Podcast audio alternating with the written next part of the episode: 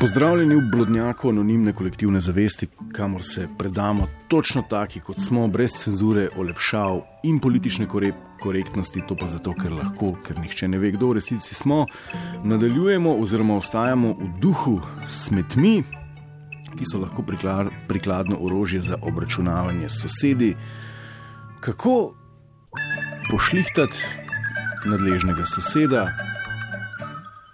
Da si ne umažeš rok v naslednjih nekaj minutah. Danes so odpeljali kante za embalažo. Mi in soseda moramo kanto pripeljati do ceste, da jo smetari izpraznijo. Ko je danes soseda svojo kanto pripeljala do ceste, je imela v eni roki še eno vrečo smeti, ki seveda ni šla v njeno kanto, saj je bila prepolna. Na to jo je pogledala Na to jo je zadegala v našo kanto in ugotovila, da je v njej še nekaj prostora, in seveda je vrgla vrečko v našo kanto. Kaj, če soseda površno ločuje odpadke? In na to bi prišla inšpekcija in v naši kanti našla smeti, ki ne sodijo v to kanto oziroma niso pravilno ločene. Kdo bi plačal kazen? Kaj bi vi naredili? Bi šli povedati svoje ali bi pustili stvari takšne, kot so? Ključno vprašanje, mislim, ali bi pustili stvar tako kot je, da si ravno so smeti. Ja, sej nismo na forumu zato, da stvari ostanejo take, kot so, ampak zato, eh, da se vsled kolektivne zavesti spremenijo, ker res ne, kaj pa če je soseda šlampasta pri ločevanju, tako kot je šlampasta pri sušenju perila, ne treba je ukrepati, ampak kako, luzerka ima idejo. Pri nas smo dali na kanto nalepko in napisali, čigava je, da ne bi kdo rekel, da ni vedel. Jaz ne bi komplicirala, lepo bi šla do sosede in jo prosila, če lahko vzame smeti ven iz moje kante.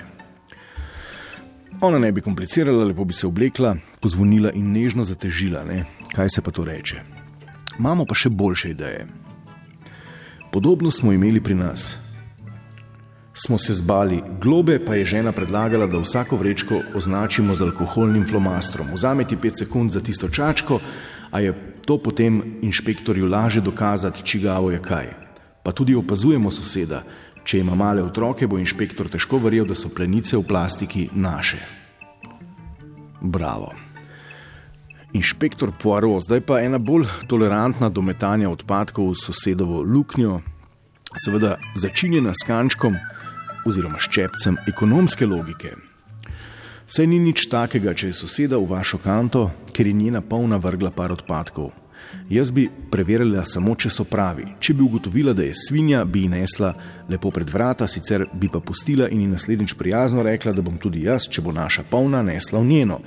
Mislim, da ne bi smelo biti problema. Mi pa pokrov, bi mi pa pokrov dvignilo, če bi jo dobila v kanti zamešane, ki jo plačamo, in da ima ona manjšo, ker to pomeni, da špara na moj račun. Vse bi ji stresla pred vrata, pa še prijavila bi jo.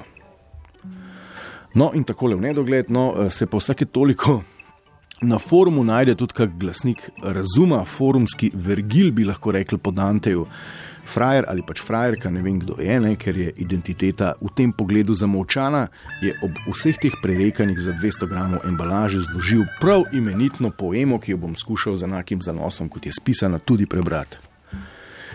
Oh, ta šmentana soseda, morda celoti v piskar gleda, kaj si kuhala in jedla, si ločila, kar si snedla. Najbolje utišala boš tečko, če ko vzameš njeno vrečko, zapakiraš v paket, pazi res na slednjo smet, malce svojih še natresi, vse na kup, na pošto nesi in da bo paragrafom zadoščeno, na njen naslov priporočeno. Evo, s poezijo na medsosedske slovenizme do prihodnič se forum poslavlja.